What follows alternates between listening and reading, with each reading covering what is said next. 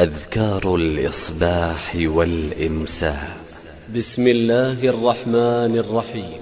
الله لا إله إلا هو الحي القيوم.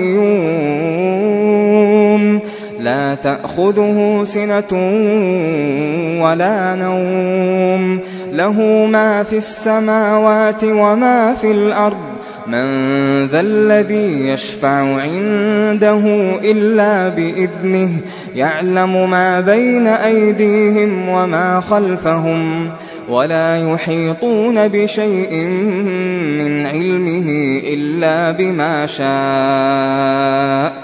وسع كرسيه السماوات والأرض ولا يؤوده حفظهما ولا يؤوده حفظهما وهو العلي العظيم.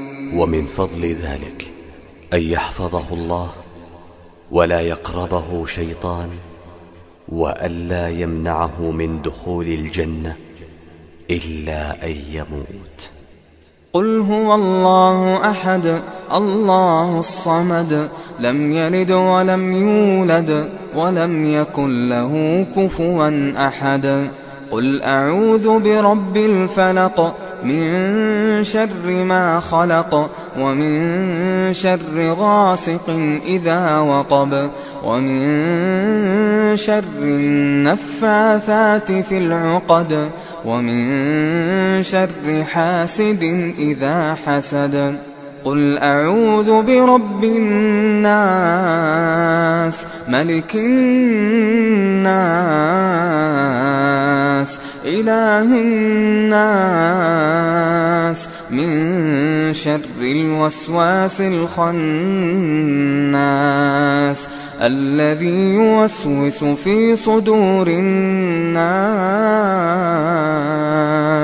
من الجنة والناس. يقرأ ذلك ثلاثا وهذه تكفيه من كل شيء كما أنه يثاب بقراءته الإخلاص ثلاثة كأنما قرأ القرآن كاملا ويلحظ مما سبق مشروعية تكرار المعوذات ثلاثة في أذكار الصباح والمساء وعند النوم وكذلك عقب أداء صلاتي الفجر والمغرب خاصة. لا إله إلا الله وحده لا شريك له. له الملك وله الحمد وهو على كل شيء قدير. عشر مرات أو مئة مرة. من قالها عشرا فكأنه أعتق رقبة من ولد إسماعيل عليه السلام. ومن قالها مئة يكتب له مئة حسنة ويمحى عنه مئة سيئة.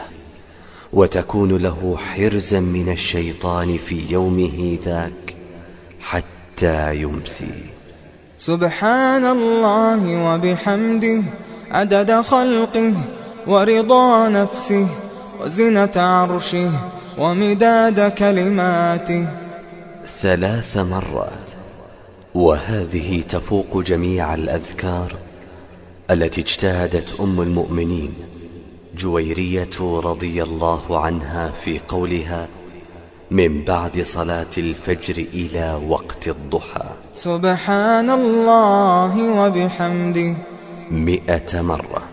وبفضلها تحط عنه جميع الخطايا وإن كانت مثل زبد البحر ولم يأت أحد يوم القيامة بأفضل مما جاء به إلا من قال مثله أو زاد عليه.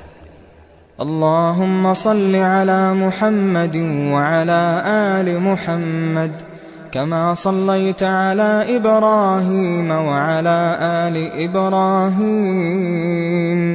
إنك حميد مجيد. اللهم بارك على محمد وعلى آل محمد كما باركت على إبراهيم وعلى آل إبراهيم. في العالمين إنك حميد مجيد. يكررها عشر مرات أو يكثر منها ما شاء لقول النبي صلى الله عليه وسلم. من صلى علي صلاة صلى الله عليه بها عشرا. كما أنه يكثر في يوم الجمعة وليلتها من الصلاة والسلام على رسول الله صلى الله عليه وسلم لقوله صلى الله عليه وسلم إن من أفضل أيامكم يوم الجمعة فأكثروا علي من الصلاة فيه. قدمت لكم من موقع TV قرآن dot com.